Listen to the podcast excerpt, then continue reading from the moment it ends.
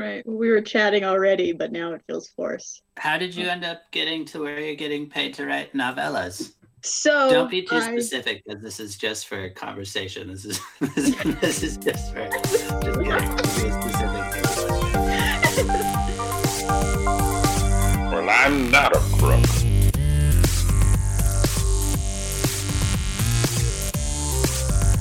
But because they are hard. Welcome to Presidential Deathmatch, the only presidential debates that matter. On today's program, Riley Smith has never even touched a kayak, how to be authentic without ever saying anything, and TikTok is scary. Riley Smith joins us as a guest moderator to discuss Best Social Media Manager, either Martin Van Buren, Benjamin Harrison, or John F. Kennedy. Today we will be using a Bush Dukakis style debate, which means the person who looks silliest in a hat loses. All that and more on today's Presidential Deathmatch. Speaking of Oh, being obsessed with Jane way. Austen, welcome to Presidential Deathmatch, a Ah. fantastic show about presidents and debates. We are joined today by fan favorite Riley Smith. You may remember her uh, telling us about Bugs Bunny. She's going to tell us about a much more ridiculous topic today social media. Uh, before we get into that, though, Dennis, I have to say, uh, on today that we're recording this, November 8th, our long national nightmare is not yet over. The vote is too close to call in who gets to replace Benjamin Harrison as our 23rd president. We're, we're checking back in on the polls. Salmon Chase and Charles Evan Hughes in a tight, tight race. Some fool voted for Benjamin Harrison, throwing everything off. Oh my You gosh. should know you never vote third party. But I'm, uh, I'm afraid to say we're going to have to keep these polls open because it is very important that we find a replacement for Benjamin Harrison as the 23rd president of the Oh United my States. God. That's awesome. Indeed. Uh, It's Nevada, isn't it? Nevada is just not I listen, I'm not going to say what county, where is getting. They're just asking for a lot of attention. But just if if you want, get out there, vote on who gets to be the 23rd president.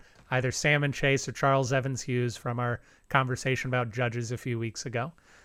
Something I'd never, me- I don't think I mentioned in that episode is that Chase Bank is named after Salmon Chase. I don't know how I missed that fun fact. That is a So just if fact. you're thinking about who to vote for, think about how this podcast could potentially be sponsored if we make the right choice. So earlier I'll just leave it at today earlier today my wife and i were playing a, a home escape room game that was set in the wild west and there was a portion of it that had a dollar bill on it from 1890 and i looked at it and i was like that's salmon chase on the front of that bill yeah, i don't want to see salmon chase in my face because i'm a charles evans hughes man until the day that i die awesome. Last week, of course, Dennis and I debated over which president would make the best writer for theater for young audiences. And currently, Grover Cleveland, Grovicle, leads the pack on that, above James Buchanan and Andrew Johnson. So, if you want to make your voice heard, please get out and vote in all of our open polls, including the poll that will be open at the end of today's episode with Riley Smith. Riley, how are you doing? I'm doing okay. I'm really, you know, really nervous about that uh that 23rd presidential vote we're all waiting on. But yeah yeah there's a there's a lot of anxiety around that a lot of people say the 23rd the vote for the 23rd president of the united states is the most important election of our lifetime Yep. Far be it from me to point out how histrionic people are about everything uh, but get out there and it. vote make your voice heard uh, vote or die vote like dennis's life depends on it and uh, don't you want to see another person from New York get the presidency? Vote Charles Evans Hughes.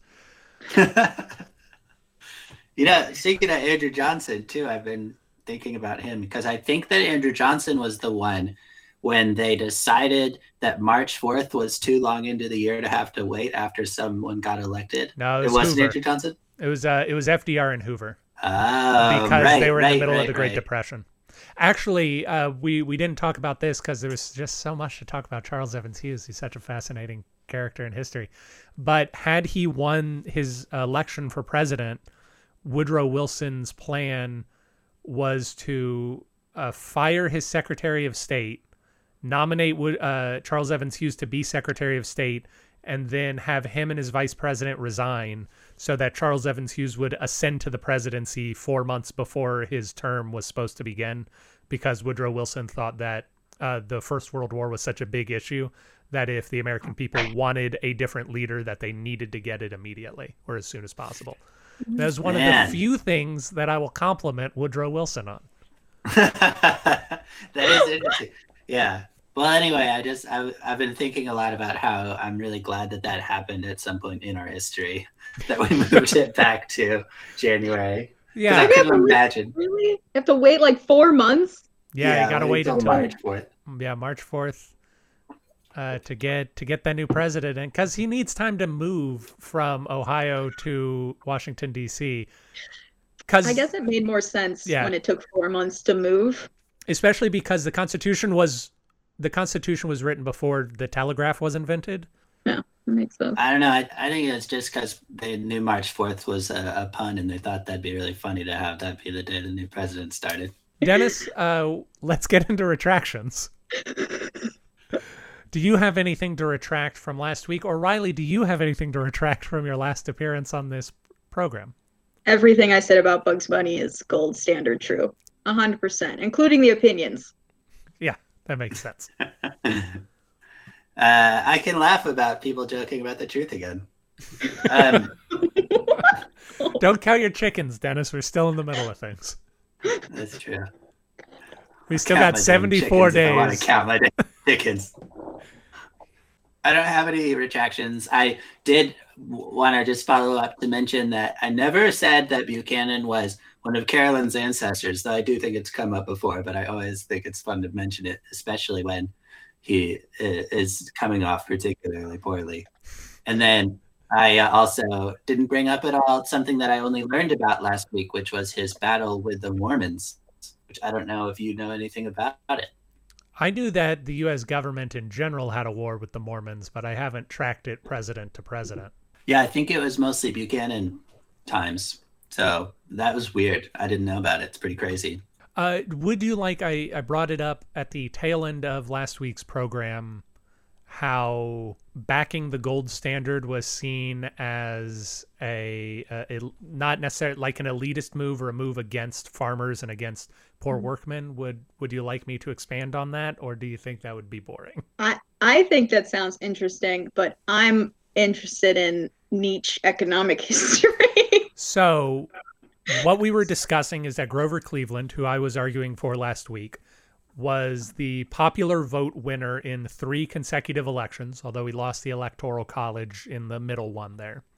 And he wanted to run for a third term, second consecutive term in 1896. But ultimately, because he did not want to switch to a silver backed economy, the Democrats instead chose William Jennings Bryan in a very uh, exciting turn of events. Uh, if you ever want to read uh, the Cross of Gold speech and all of the tumult that came from that. But the reason why the Democrats wanted to switch to a silverback standard is that during that period of time, 1892 to 1896, America was in a recession and it was going through a period of extreme deflation. And what happens uh, when there's deflation is that's very good for creditors because if you take out a loan and then your money is worth less over time, the principal stays the same. And so what they were having is during this period of deflation, it was also a period of agrarian technology rapidly increasing, which meant that farmers had to take loans out so that they could buy new farming equipment. And then the money, uh, the US dollar deflated, which meant that they would have to sell more of their crops away in order to pay down the principal. So they wanted to have a silver backed economy because silver was going to have inflation instead of deflation. And inflation is good for debtors because your money grows in value while the principal stays the same. And there was a small minority faction that was big into a corn-backed economy, Yeah. but that was just that, was wishful thinking. It, you know, it's good to try things out, in my opinion. That's why we've got 50 states. We've got 50 test kitchens for all sorts of fun, Yeah. fun things. He- the number my, that's my dad's favorite thing to say. Test we got 50 test kitchens. Yeah. I- 50 uh, 50 little test kitchens. I, I can think of another. that's a good one. Yeah. We got 50 petri dishes to put Ew. droplets of liquid in. It's a good way to describe Los Angeles. Yeah. We've got 50 college freshmen to just try out programs on. Oh, okay. That ended up a lot of a more clean joke than I thought you were going for. I'm a very clean person, right? Also, Riley, we discussed this. This is a clean I'm sorry. We have a child listen to this program every Saturday. My niece listened and apparently uh, po- positive review on the uh, on the uh, children's playwright Oh, I'm glad. interview. I'm glad. Did did your niece have uh, an opinion on whether the tragical life of Cheese Boy was too intense for children? Not intense enough from her perspective. Um, though sense. mostly she, her universe right now is like the the romance fanfic that Riley writes, which can Yeah. get pretty steamy. So Well, they're both in Los Angeles. Riley, you should get together with this baby, have lunch sometime. Ah, Presidential deathmatch regrets the errors. Riley, we have you on the program today to discuss being a social media manager and which president would surpass all other presidents at that task. Can you uh, can you begin to tell us about that? Uh, So uh, when I'm not obsessing over cartoons, um, I am a marketing consultant, and a big part of that now is social media management. Uh, it's actually pretty much the only way, especially during COVID, that you can attract uh, new people to a brand or to an office uh, to to your company. Um, and there's a lot of social media management is interesting because nobody wants to pay you anything to do it, nor do they want to spend any money on it. Mm-mm. But they do want it to bring in a hundred thousand new customers. Yeah. So I, I'm definitely in that position as uh, owner of a small business. Yes, yes. So it's it's an interesting position uh, because nobody values it, but it is extremely important. So you have to, and nobody thinks that it takes any actual skill, but it takes um, a very diplomatic attitude. You need to be able to get through a lot of noise and a lot of confusion in order to focus on clarifying your message to people. If you don't pr- provide a clear message and a clear brand to people, nothing you do is going to be worth it. Um, you have to be able to stay on top of trends without looking hokey or insincere. Uh, I think that's a big thing. Is that with social media, you have to put up a, a sincere face, even though so much of it is a veneer and a, and a facade. You have to people have to look at it and be like, I really feel like I know these people. Like, God forbid anybody catch you like photoshopping anything because people will just like rail against the company. Yeah, like, ugh, or even influencers. Like, there's this, so like a lot of the same skills that go into being an influencer go into being a social media manager. And there was an influencer who she's like a lifestyle influencer, which means she wears fancy clothes and goes to fancy places and take picture and takes pictures that are supposed to be inspirational for the rest of us plebs. Kayaks. Yeah. and so she uh she got in trouble for photoshopping. She was in Paris, but she didn't like any of the pictures that she got. So she photoshopped better backgrounds on her pictures and she lost hundreds of thousands of followers Mm. because she even though she was in Paris, she photoshopped different photos of Paris onto her background and people flipped out. So you have to be able to keep up with the trends, able to jump on top of new things, but you have to seem utterly sincere or help your company seem utterly sincere. So that's the other thing for a social media manager is because you're often managing multiple accounts unless you just work for one company, but usually if a person is like a social media consultant, they're going to be man- managing multiple accounts. You have to be able to align your voice to a lot of different things. Like I I have a client who's a chiropractor and I have to help eh, I have to help him sell to stressed out moms. Like that's his pri- primary audience. And so I have to speak to middle-aged moms who are just tired of all of their stress and worries. And then I have a different client who's an entrepreneur co- coach for young entrepreneurs.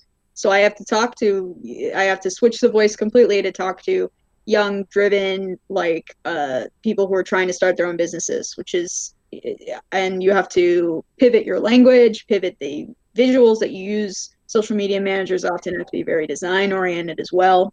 So it's your voice still, though. Would you say? Like, do you still come through and all the stuff you do? Like, I'd say that varies widely. I it you work better when you sell your own voice with it. So, and this is true with mar- marketing in general. I would say, as a consultant, like I flat out tell my clients, like, I like new ideas. I'm very innovative. I like to try new things. I hate the word innovation because it's a buzzword. And I like doing comedy and humor in my stuff so I think it works best when you are sincere. Like there's some things that I can't take out of my language. Like I'm always going to write at a more intellectual register. I have a very I have a hard time not doing that. Um humble brag. but like it's but that makes it harder for me to write to uh maybe on like I tried to get uh, a job writing for doing like social media posts for like a really trendy music website and I did not get that job. So yeah, there is an element of like your voice. You have to know what you are good at. You have to know what you are like and who that's going to appeal to in order to be successful as a social media manager. So, would you say that the most successful social media manager is someone who is very uh, chameleonic, who can adapt to a, a very general audience, or someone who is so specific or niche that they can perfectly fill the needs of a select few people? I'd say the best social media manager is someone who can fulfill many niches. So, uh, like I said, I'm able to write to uh, 40 to 50 year old working mothers and talk in their register and talk to their concerns. I'm also able to talk to 20 to 30 year old uh, young entrepreneurs who are insecure about starting their own business and talk to them in particular. So uh, you'll actually find less success as in any type of marketing if you try to talk to everybody. But you are not going to be able to sustain yourself if you are like a social media manager. You need to uh, be able to pivot to several different audiences depending on the client's needs um, or the country's needs in this extended metaphor.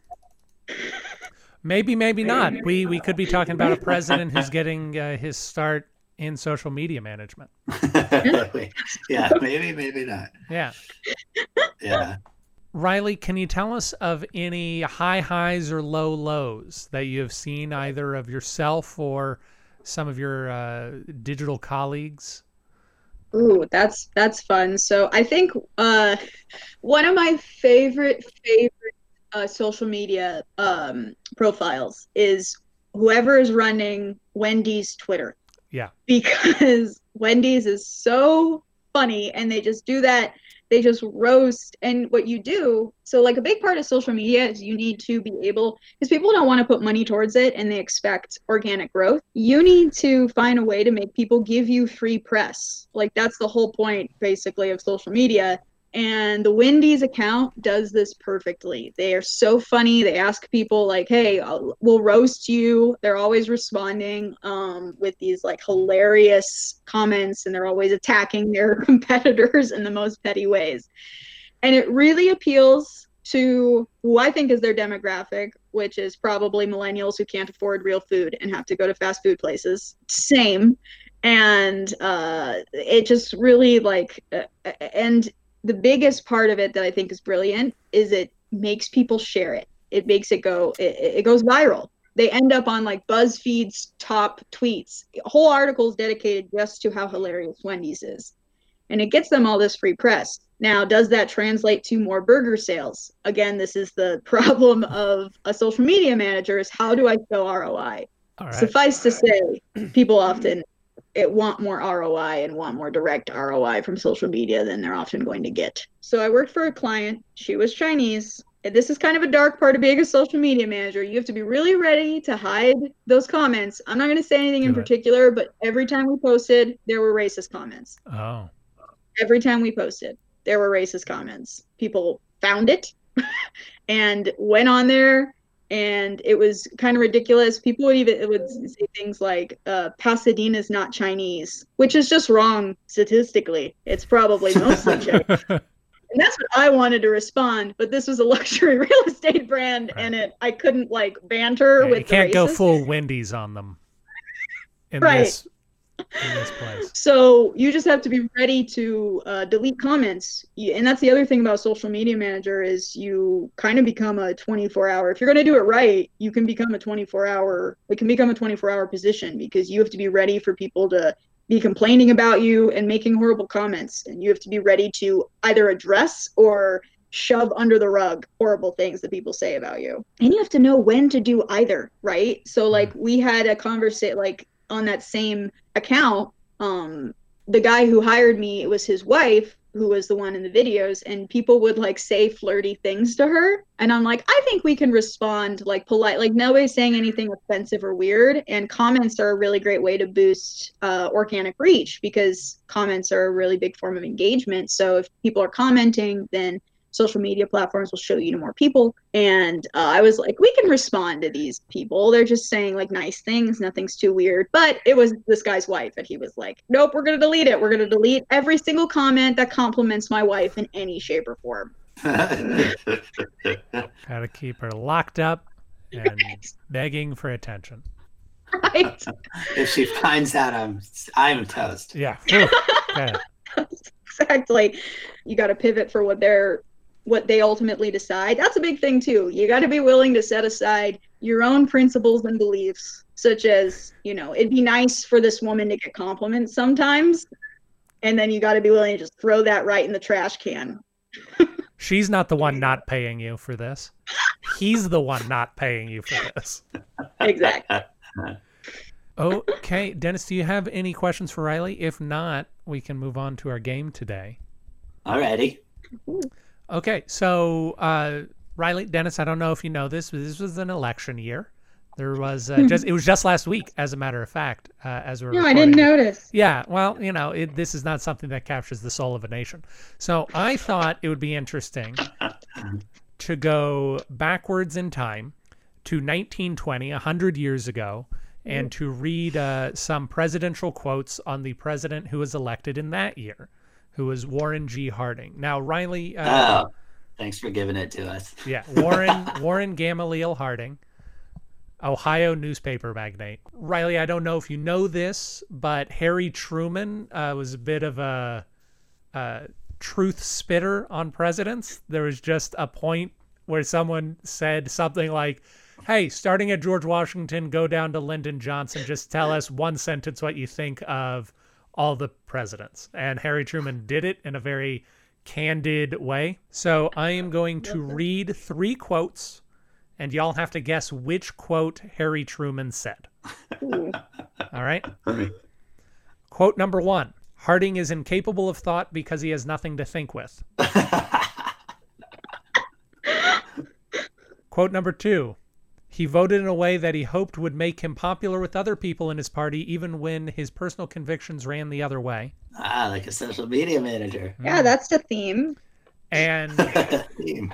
And quote number three, he was not a man with either the experience or the intellectual quality that the position of president needed.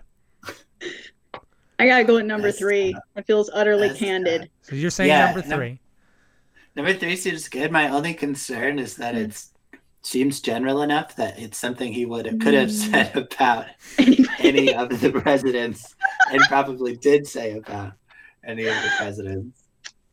So maybe I'll go with number two. Number one, the the person who said Harding is incapable of thought because he has nothing to think with, also said another really great quote about Harding. It is heartbreaking to be so near as we are to a fool of a president. He is often ridiculous. I was gonna say that I love when people are like, "I wish we could bring back the civility of olden times," and it's like, no, politicians Yeah. tore into each other. It was much better.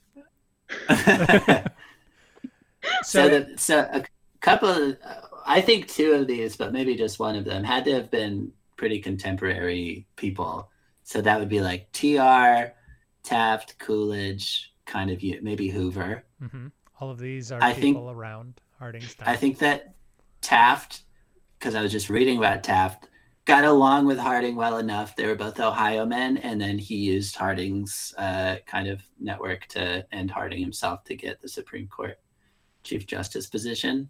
So i feel like he wouldn't have said one of these but maybe he did. It just would have been earlier Okay, so Riley, you are saying number three, Yeah. and Dennis, you are saying number two. Was that correct? Yeah. Dennis is correct. He's got his finger on the pulse of Harry Truman. Harry Truman did indeed say, in an unusually kind thing for Harry Truman to say, That's what I was thinking. It seemed just like a even keel estimation of someone's qualities. the person who said Harding is incapable of thought because he has nothing to think with was his presidential predecessor, Woodrow Wilson. Oh, I totally missed Wilson in my And the person list. person who said he was not a man with either the experience or the intellectual quality that the position of president needed was indeed Herbert Hoover, his Secretary of Commerce. Ah, Hoover. Hoover. That's awesome. Yeah. Well, when we come back, we will debate who will be the best social media manager. Don't go away. Da da da da da da. All the ladies love Jack Fitzy. Welcome back to Presidential Deathmatch. Took a longer break than usual, but we said that we would come back, and indeed we did come back, and we're going to debate which president would make the best social media manager, either Martin Van Buren or John F. Kennedy. For those of you who can't get behind just a first and a last name, Dennis and Riley. He's Or- not a first and last. I wouldn't just. You would have yelled at me if I just said Martin Buren. Yeah, that's because Van's part of his last name. And it's not John F. Kennedy.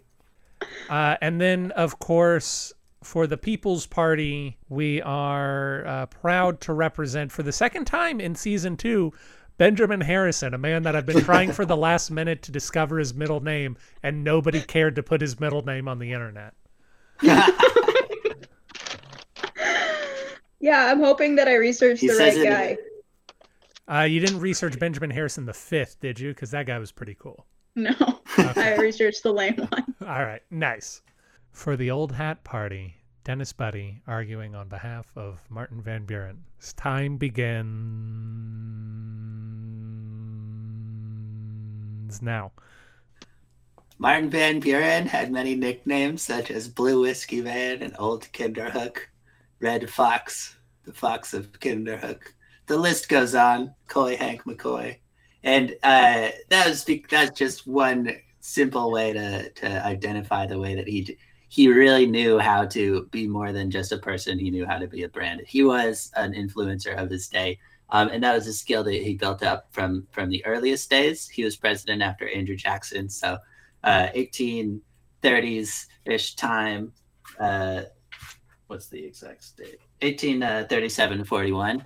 Um, and he also had a real hand in building up the Democratic Party and building up Andrew Jackson, um, kind of creating Jacksonianism, which can feel familiar to people today. Um, with the the there's some similarities to the kind of Trump thing where it was so much more about Trump's brand than anything else.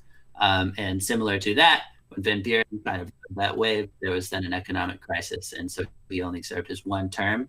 But uh, it's really outside of his presidency where we can see a lot of his his abilities as uh, as a social media manager. Diplomatic, as you said, he was the ultimate diplomat. He was very hard to catch in a, in an opinion.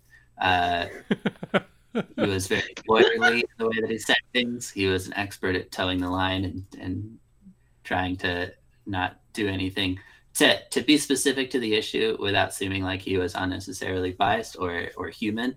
Um, but he was also all about engaging the community, known to be always throwing parties, uh, hosting parties in DC, and knew everybody. And what I think was really special about it is that he was sincerely who he was, even though he was sincerely being whatever was best for him getting closer to the presidency. So he lived his brand. And I think that's what was key.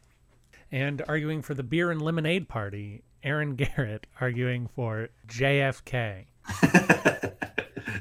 So I'm talking about John Kennedy today, but I could really be talking about the entire Kennedy family, and even more specifically about Bobby Kennedy, his his brother. We were talking a lot about social media managers, the skills that you need. You need a diplomatic attitude. You need an ability to beat the noise that surrounds you. You have to have a clear message that cuts through things, and you have to be able to handle trends while seeming uh, sincere about it. And the Kennedys were that machine. Very few people know that the the Kennedys began the first uh, primary run. Previous to the Kennedys, you would not enter the primaries if you wanted to be president. And if Riley wants to ask questions about that, I'll be happy to answer it. But Kennedy pioneered doing the primaries to show that you have the strength of the people behind you and that the people want you to be president and that putting you in a good position.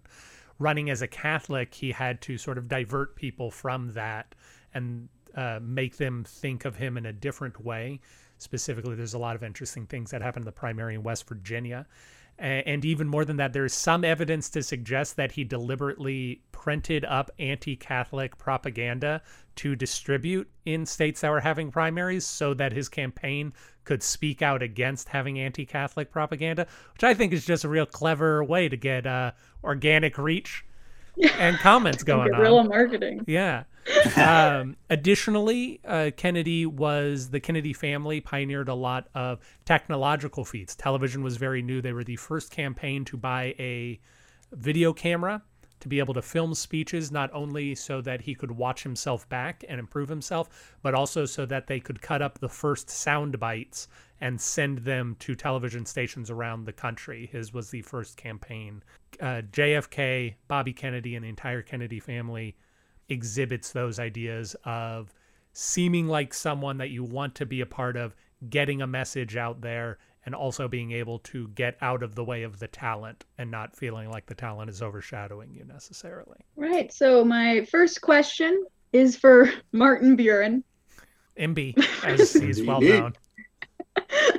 what is what is Kinderhook? This is this is a softball question, but what the heck is Kinderhook? Kinderhook is uh, a small Dutch village in upstate New York, which is I'm also from upstate New York. I'm not from Kinderhook. And yeah, at the time it was like truly like 20 Dutch families, so they really all knew each other. Um, and there was one family member who was in Senate, I believe. Um, so that was kind of his first connection to the whole political universe, um, if I'm remembering correctly. So then he became known as Old Kinderhook was a nickname of his. But what happened was uh, in Boston, the term "okay" was uh, starting to become popular. It stood for all correct. It was short for all correct, and it was becoming hip. It was like us saying uh, TLDR or something but more interesting. So, so it was just like people were saying okay, but he was campaigning. Um, I think it was in his second second uh, campaign, so for reelection, and he realized uh, that he could just tell people it stood for Old Kinderhook and turn it into a thing for him. So it was it was the of the time it was the version of using a meme to get your message out there He took over a hashtag. exactly Oh my god. All right. uh, next question is for John Kennedy. Yes. Um, John Kennedy. So one of the things we talked about is, uh, and I think it's hard to argue with John Kennedy having, you know, pretty big appeal, but I'm wondering about. We talked about having different appeals to different audiences, um, being able to connect with different groups. Mhm. So what were some things that John Kennedy did to appeal to differing groups? Well, of course, there is the religion issue. He was having to appeal to the the Democratic Party has always been a party of a lot of coalitions, but even so, Catholics were not uh, necessarily uh, kosher in those days. Um, so he, yeah, thank you. Uh, so, so he did a number of things to either downplay his religion or upplay it where he was. There's a, a famous example of being in Houston, actually, which is where I'm from, at the uh, Baptist conference in Houston, where he sort of allayed a lot of religious fears. Kennedy was uh, really remarkable because he, um, the previous two presidential elections, had nominated Adlai Stevenson as the Democratic contender, who was uh, on the more progressive wing of the party. Kennedy, we don't think about him because we are so wrapped up in the mystique of who Kennedy was, but Kennedy was a very conservative Democrat. And so he had to do a lot of things to get Eleanor Roosevelt specifically on his side. Uh, Eleanor Roosevelt was not a fan of the Kennedys so he had to kind of uh, be a liberal where he needed to be a liberal, be a conservative where he needed to be conservative, be very religious in Massachusetts, be not religious in the Midwest, not his religion. Anyway, and then of course the big, big, big issue of the day was civil rights, where there was a strong contingent within the Democratic Party that wanted to extend more civil rights, but all the Democrats in the South were adamantly opposed to it. And so there was always the difficulty of trying to appeal to, um, uh, you know, humanity and uh, not alienating the, the Democratic Southerners, which was a, a major issue. And in particular, he nominated uh, Lyndon Johnson for his vice presidential nominee along with him. And that was the sort of thing that he did to bring bring Southern Democrats along. So my next question is for both of y'all to take a stab at, and it's kind of a kind of a hypothetical. Um, but also if you have any specific examples that are similar, that'd be great. So one of the big social media crises, I guess you could say this year, um, crisis in a lot of ways, but specifically for social media, uh, Black Lives Matter, BLM. So when that really blew up this year, specifically talking about social media, companies had to react fast and you had to react well. I saw a lot of companies do this poorly and they had a huge backlash. So if you reacted in a way that seemed like vague or insincere, like anybody who went online and was like, "We think all people are important," and people are like, "What the heck is that? That doesn't mean anything." And people who waited too long to po- say anything or pe- and then people who did jump on it but didn't uh, do a correct dialogue. I just saw this like a lot of backlash for a lot of companies. So how would your candidate handle a major flare up of a certain to- of a, a controversial topic? How would they engage with it? And you can use you know a hypothetical black lives matter or an example from the actual period how will they engage with the flare up of that uh, conflict and make sure that they both appeared sincere but didn't offend anybody? Uh, I would argue that JFK did exactly that with the civil rights legislation that he was trying to get through Congress during his presidency. Uh, JFK actually has a very bad record on civil rights. Uh, he is remembered as well as he is because once he died, Lyndon Johnson and Robert Kennedy both just said, this was his dying wish. Let's make civil rights happen. But he uh, he was very much not expending any energy on it, and him not expending any energy on it uh, again allowed him to not alienate the Southern Democrats, but his uh, vocally supporting it and vocally supporting the bill that was in in Congress at the time had people think that no Kennedy's Kennedy's heart's in the right place. It's just ah these people in Congress keeping things keeping things down. Oh, also can can I uh, Dennis can I briefly tell uh, a Kennedy story that may or may not I think yeah. that's relevant. Okay, so in the primaries, Kennedy is running against Hubert Humphrey and he needs to win West Virginia, and West Virginia is very anti-Catholic, so it's a very dangerous place for him. Hubert Humphrey is strapped for cash, and there's all sorts of fun Hubert Humphrey stuff that happened. Um, but the Kennedys got Hubert Humphrey's best friend to go on television and accuse Hubert Humphrey of being a draft dodger. And then as soon as they got his best friend to do that, they just said, uh, you know, I really don't think it's right that Franklin Delano Roosevelt Jr. would go out and say those sorts of things about Senator Humphrey. Senator Humphrey is a great man, and I just don't, I don't want that sort of talk in this campaign. my jaw is on the floor. Uh, oh my god! That's what happens when you mess with the Kennedys, and so I feel like that is also an example of having his cake and eating it too, not having to go out and say those things, but still getting them on the record. Yeah, that's pretty awesome. Uh, yeah, Martin Van Buren, you have the floor. One story that I heard about with Van Buren was that Jackson stood up at this thing uh, and said, like, like the the most important thing is that this country stays this country, that it stays as a union, as that this is with all the mm-hmm. tension leading up to the Civil War. And then John C. Calhoun stood up and was like, like the most important thing is the freedom of everyone that people are free to do what they want to do. So he was basically saying the other opposing side.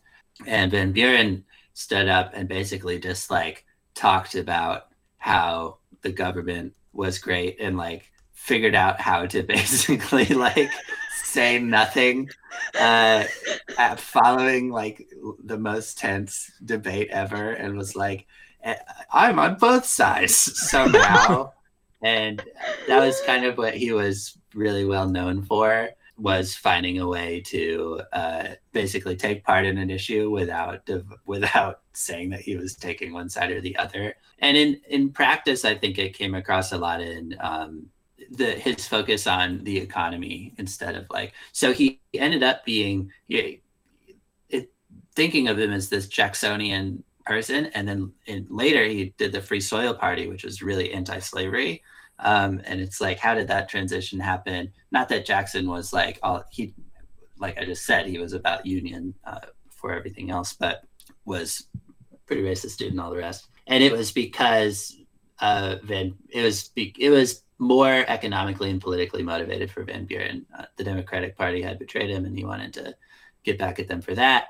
Uh, meanwhile, Salmon P. Chase, the Chief Justice guy, uh, he was all about abolition. So he was doing whatever he could, building up parties. So Van Buren and Chase kind of were using each other when they built the Free Soil Party up. He's famous for uh, toeing the line in those things, but still taking part in those issues.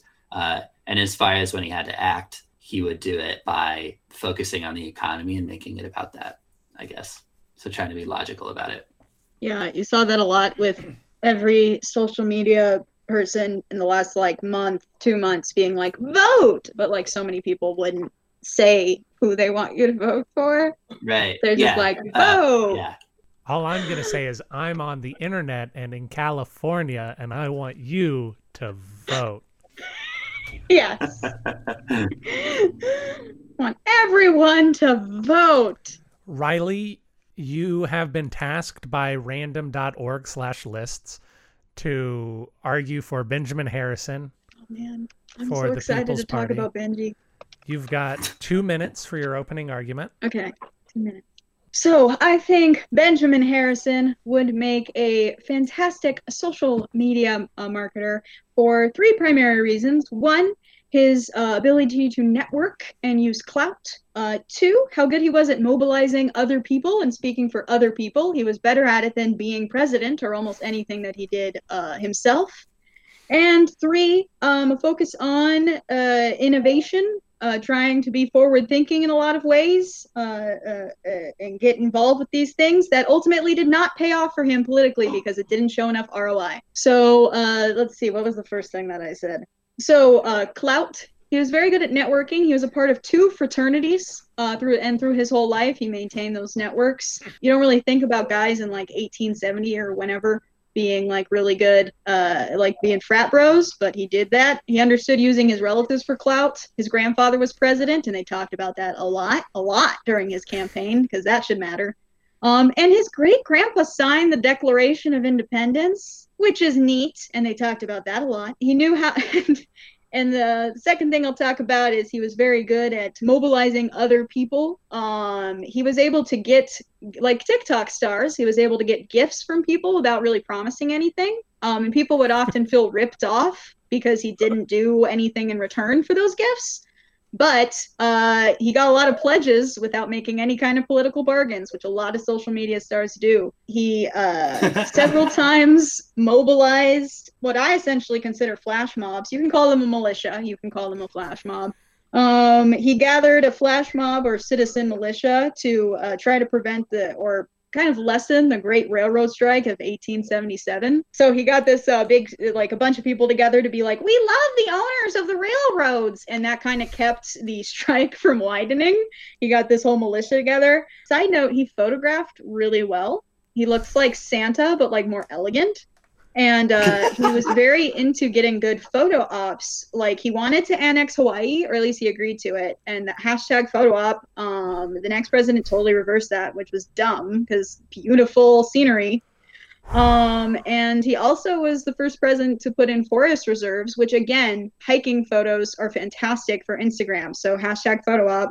Um, and he visited Paris again, hashtag photo op.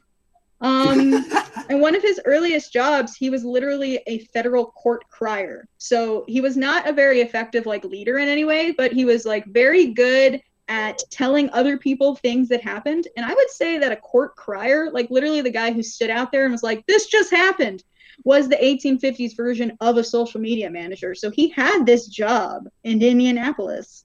So I think that, um, and he was all he uh, actually genuinely cared about African American rights and like constantly talked to Congress about it, and people were like, "We don't care." Congress was like, "We don't care about this at all," but he kept talking to them about it, and I think that shows that he was way ahead of the Black Lives Matter trend, like 200 years ahead of the Black Lives Matter trend, and that is the mark of a great social media manager. Riley, uh, Benjamin Harrison famously was the first person to install electric lights in the White House, uh, yes. but he was afraid to touch them for fear that they would electrocute him. Now, that to me would signal a person who wants to appear to be open to technology, but is actually not necessarily able to uh, take risks or uh, handle new ideas very well. Is, is Benjamin Harrison going to be able to keep up with the fast paced changing world? Of social media. I think that shows an ability to look past one's personal fears and embrace new technologies. He was afraid to touch it in his own home, but let's be honest, as long as he got that sweet, sweet photo, hashtag electricity, hashtag light bulb, then I don't think it matters that he and his wife are actually willing to press the buttons. I'm terrible at technology. My friends all call me Nana Riley. I don't understand how to get good filters to work. I don't understand how hashtags work. I'm still making a very successful living as a marketer and as a social media manager. I think you have to be willing to embrace the technologies in public uh, even if they're scary to you. Like TikTok is scary, but I do it because I need that sweet, sweet clout. And I feel like Benjamin Harrison understood doing things for that sweet, sweet clout, even if they scared him. Thank you. Thank you very much, Riley. It's an impassioned passion speech on Benjamin Harrison. Benjamin Harrison uh, had a number of nicknames. Uh, Dennis listed off several of Martin Van Buren's nicknames. One of Benjamin Harrison's nicknames was the human iceberg because he was known to be personally aloof, distant, and all around cold.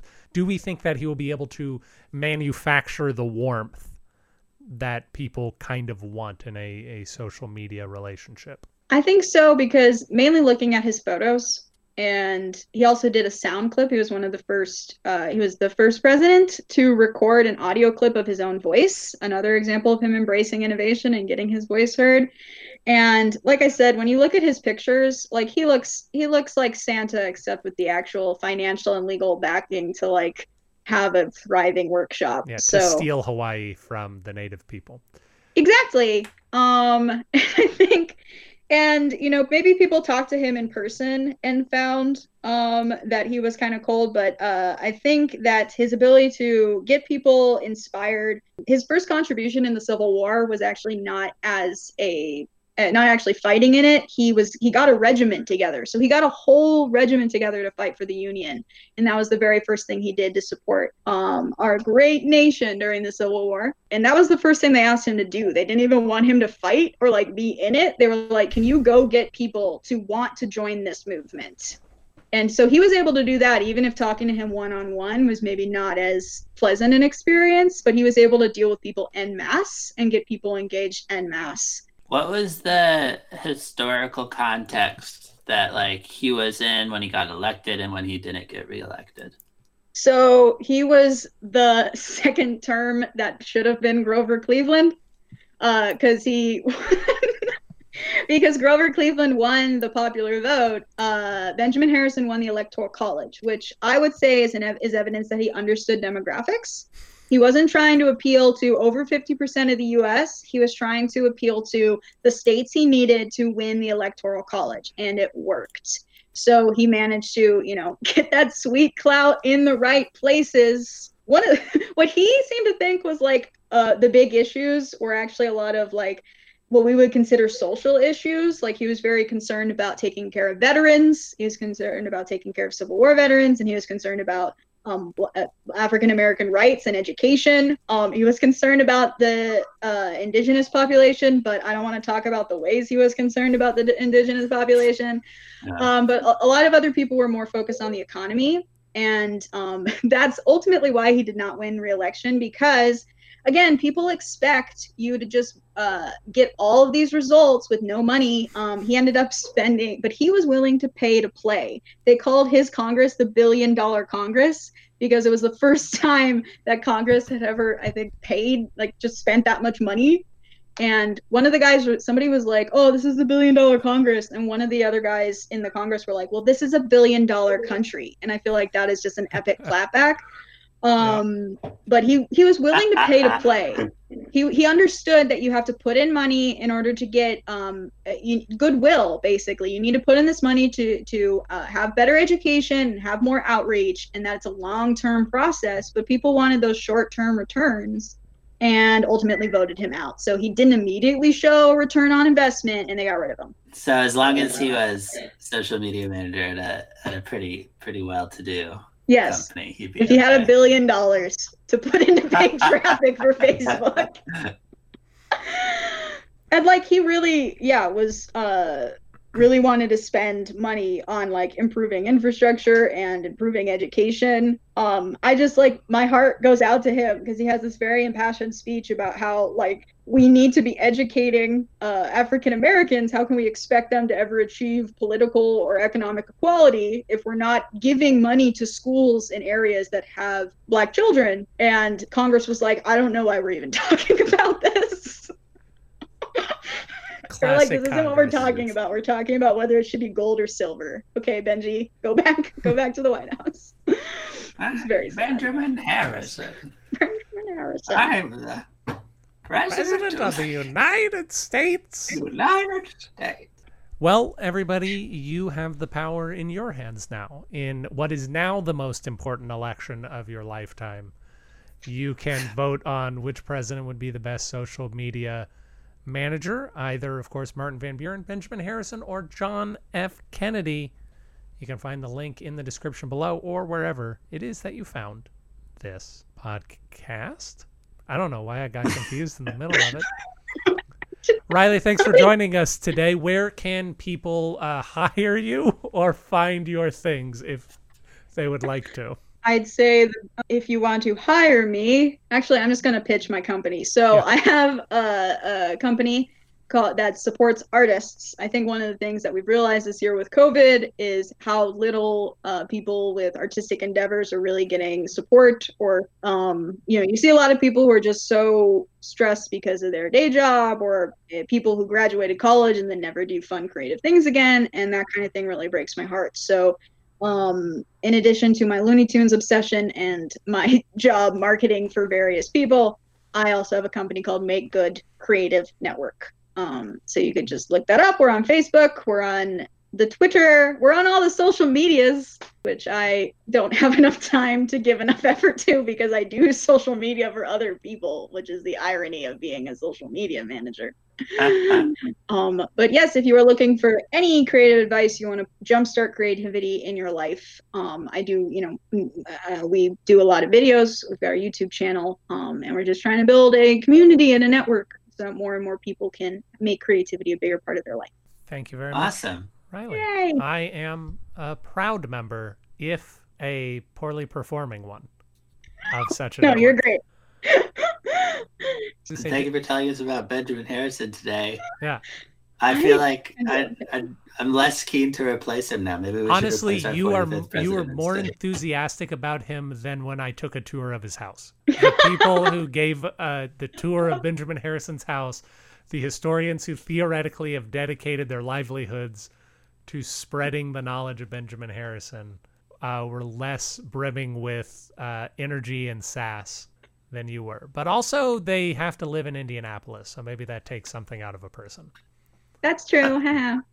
Uh, I have so many more notes about Benjamin Harrison. I took so many more notes. good historical romance anecdotes.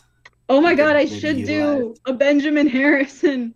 A bunch of dudes got together and bought his wife a cabin, Yeah. which like was a compliment. Was supposed to be nice to him, but I'd be kind of weirded out. What we're gonna tear down every cabin that someone bought for my wife.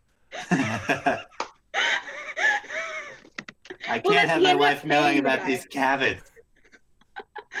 like a bunch of dudes got together and bought his wife a cabin and then he was like this kind of looks weird like this is hard to explain to people so he paid them he, he paid them in full for the cabin I do remember that Yeah. anecdote. Uh, Warren uh, Warren Harding, good good president to look into if you're looking for some saucy romance details.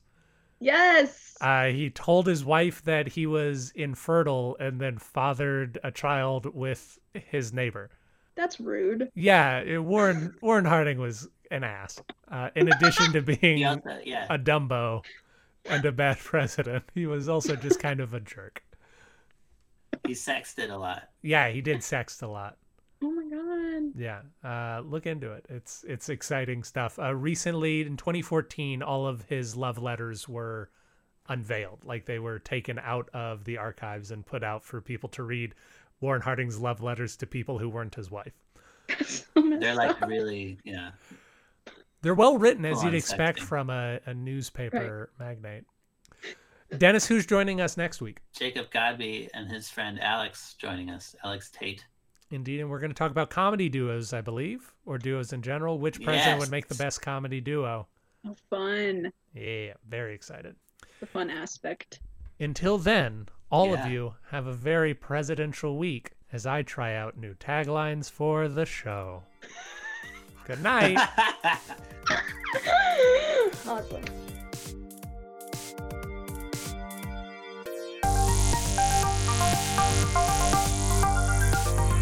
Thank you for listening to Presidential Deathmatch. Presidential Deathmatch is a production of Pronoia Theater. You can find more out about us at pronoiatheater.com. This program was edited by Aaron Garrett with music by Dennis Buddy and hosted by those same two lovable goofballs. You can always email us at contact at pronoiatheater.com. If you enjoyed the program, we ask that you rate and review wherever it is you found us. It really helps us out. And if you didn't like the program, why don't you stick around? We really grow on you. Chase Banks commercial is. yes. My name's Erwin Chase. I'm the great, great, great, great, great grandson of Salmon P. Chase. You know, whenever you walk into a Chase bank, we have a 50 foot tall statue of Salmon Chase, my great great grandfather, to remind us all about what great things the United States Secretary of the Treasury can really do. So when you're thinking about where you need to digitally transfer money to, won't you consider Chase Bank? See, what's great is they they they know they're like like they know their brand, but then they want us to also be our brand, and then they want to put them together. Yeah. And so that we're Salmon's they're like- brand. Yeah. Exactly. You gotta align with your influencers when you're selecting Exactly. an influencer to it's not just about the influencer aligning with the brand; it's about the brand aligning with the influencer. Yeah. Exactly. I like also that Aaron's idea of a commercial seems to be directly from 1950. Just the the script and the enunciation. I was oh I'm only one man, right? I can't do I can't say cut to a person playing basketball. You Man, can. did you know that Salmon Chase founded Chase Bank and then put himself on a dollar bill? That's the sort of place I would have put my money. Cut to a mom pushing along a stroller. You know, I really approved of the way that Salmon Chase handled Trainwreck versus United States in 1872. So that's why I trust my money to Chase Bank. Cut to Mir Space Station. Hello, we are Russian nationals, and we believe not in everything America does, but we believe in Chase Bank because it's just that good financials. I'm suspicious. I forgot there's a shirtless Geno wandering around the Yeah, I'm glad my, my Russian boyfriend left before that, right when you right before you did the that uh, the incredibly accent. insulting accent.